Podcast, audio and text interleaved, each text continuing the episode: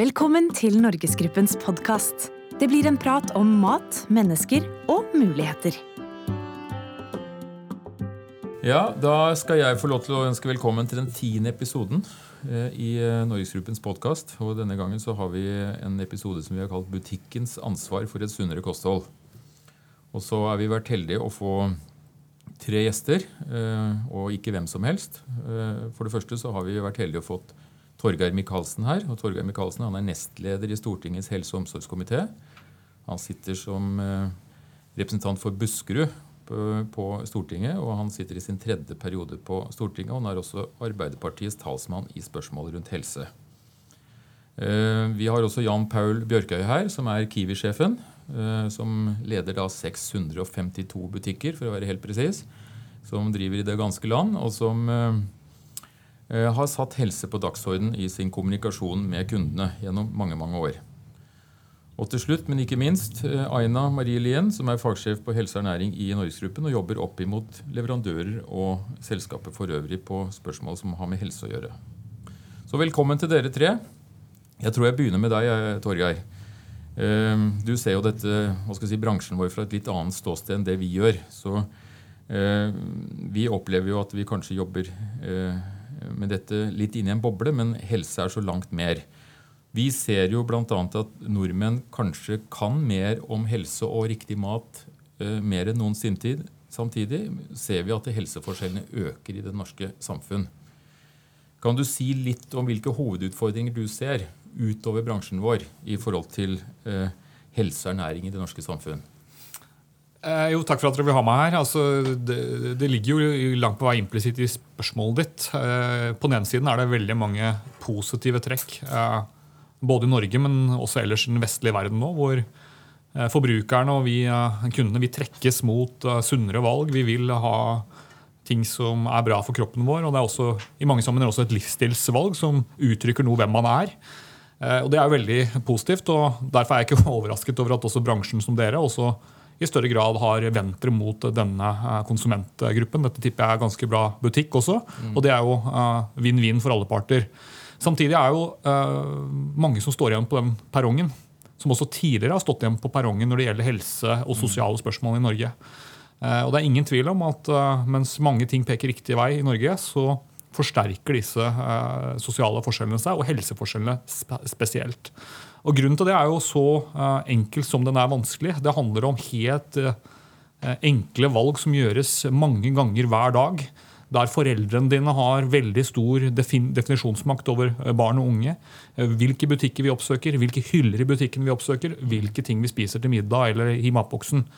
Og der vet vi at det er de oss som er opptatt av dette, som viderefører gode vaner til ungene våre. Mm. Mens det er mange som forsterker dårlige vaner fra, eh, fra, fra, fra tidligere generasjoner. Og denne eh, koden her, mm. hvordan både da bransjen som dere representerer, og vi politikere kan knekke opp i dette og bryte de barrierene som mange opplever, det er kanskje den største utfordringen vi står overfor i dag. Mm. Tror du at vi er i samme båt? Altså Politikere og dagligvarehandel, er vi egentlig den samme helsebåten i forhold til å knekke koden? Altså det er jo åpenbart at Jeg er veldig opptatt av at eh, helse er noe som eh, i stor grad skapes eller i all hovedsak skapes langt utenfor eh, fastlegekontorer og, og sykehusene våre. Der det er vi lever livene våre, i familien vår, i nærmiljøet, i, i de butikkene vi handler. Mm. Så klart vi er i samme båt. altså Helt åpenbart at dere må omstille dere mot å møte krevende forbrukere som vil ha det sunt. Men problemet er at uh, dere også tilbyr alt det vi ikke vil ha så mye av. Ja. Uh, og der igjen er det helt klare sammenhenger mellom at de som er uh, beskyttet eller forberedt på å ja, tørre å gå forbi den godterihylla, mm. bortsett fra på lørdager, eller tørre å kjøpe noe som er litt mer bra for oss.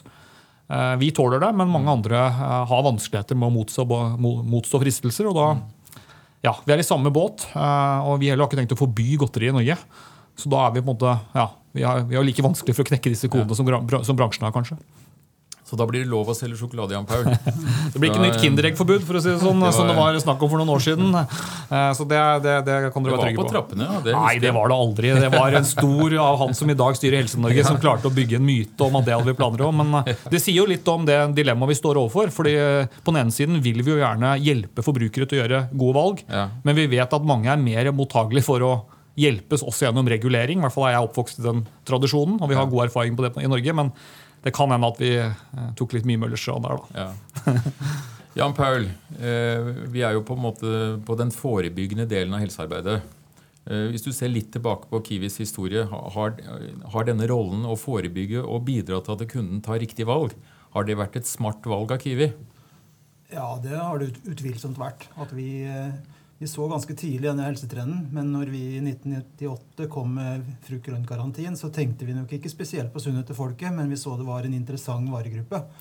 Men eh, senere så har vi blitt mye mer bevisst på at vi må legge til rette for forbrukerne, for kundene våre, og gjøre, gjøre sunne valg. Så ja, alt fra at vi kuttet prisene tilsvarende momsen i, i 2007 og eh, nøkler i 2011, det har bidratt til eh, økt forbruk av sunne varer. fordi at prisen må være på plass. Hvis ikke så blir det valgt bort. rett og mm. slett. Altså Prisen må være konkurransedyktig med det mindre sunne. Men tror du det er sånn i Kiwi-kulturen nå til, til, påske at vi gleder oss mer over frukt- og grøntsalget enn smågodtsalget?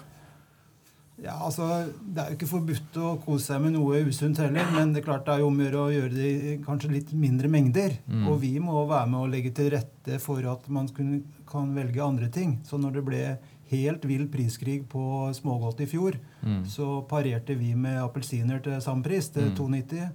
Um, I år er vi mye mer forberedt på det som måtte bli av pris. Mm. Og vi har nå lansert en egen små, smågodtserie, smågodt i, i, farta, sunn smågodt, eh, som da er frukt og grønt i ni forskjellige eh, varianter. Eh, hvor vi eh, skal tilby det til akkurat samme pris som hek hektoprisen på smågodt måtte bli. Mm. Og Det har fått en veldig god mottagelse, for nå har vi begynt å rulle det ut. Det er bra.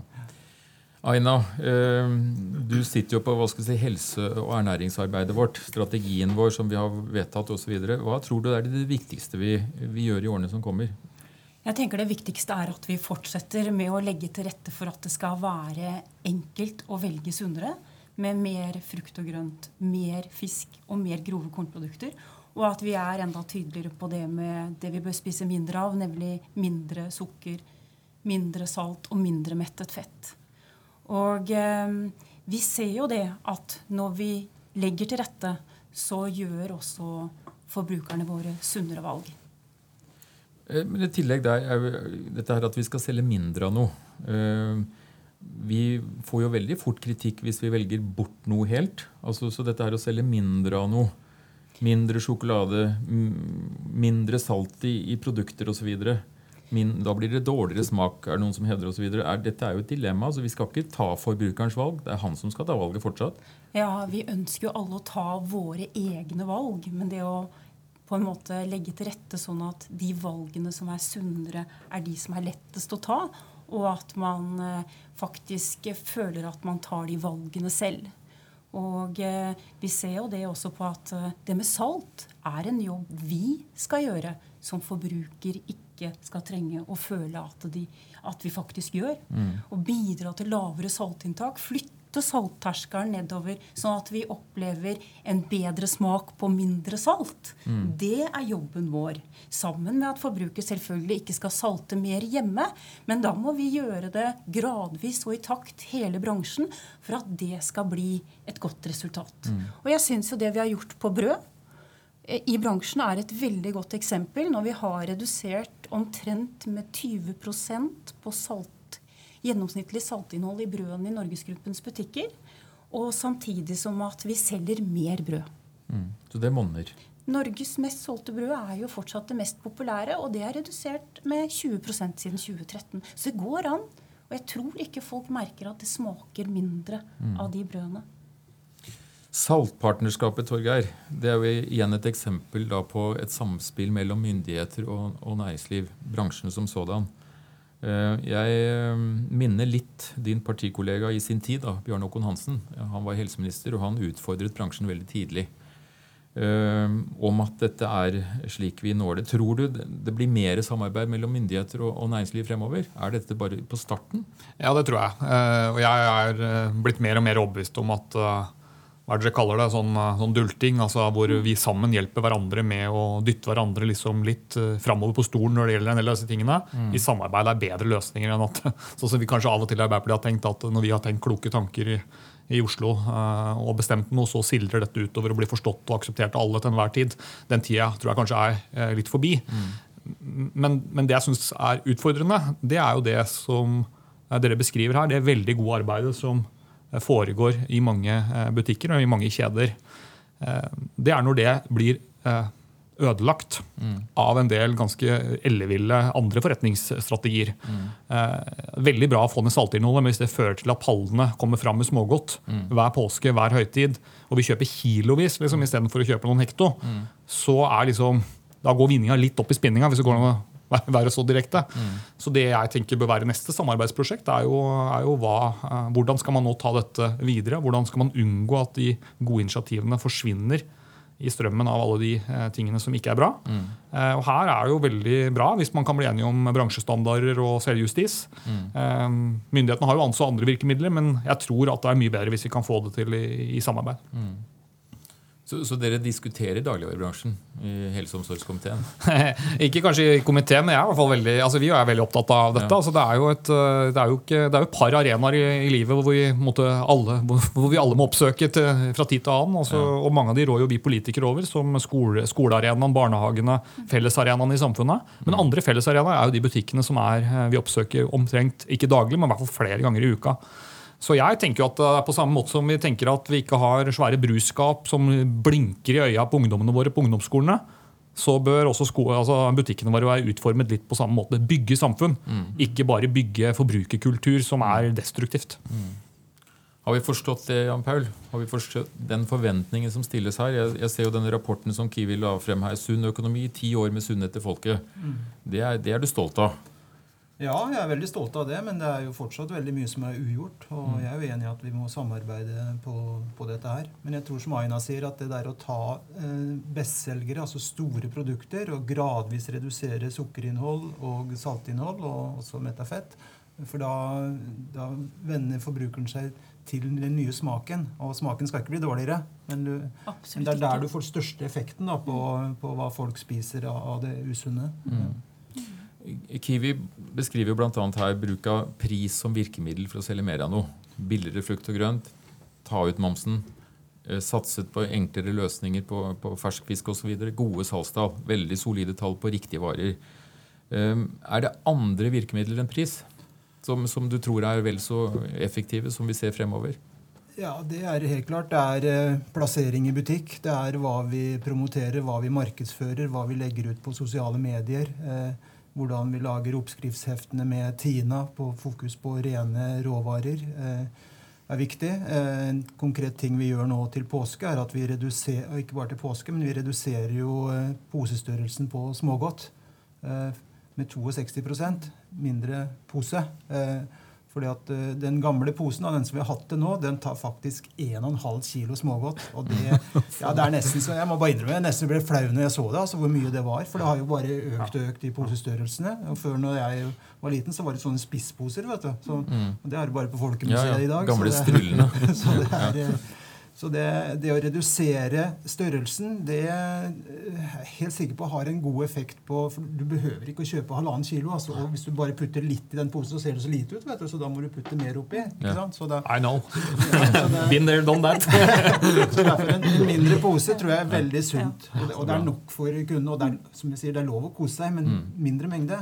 Ja, Kanskje ikke så ofte. Nei, altså jeg er blant de som elsker smågodt. Altså jeg gir meg heller en pose smågodt enn en god flaske rødvin. Altså Når som helst eh, jeg tror jeg hadde valgt smågodt. da. Så jeg har veldig, veldig, ja, Dette syns jeg høres uh, veldig oppløftende. En annen forretningsidé kunne jo være denne Jeg ser jo av og til at eh, ulike butikker og bransjer har sånn uh, maks én per kunde.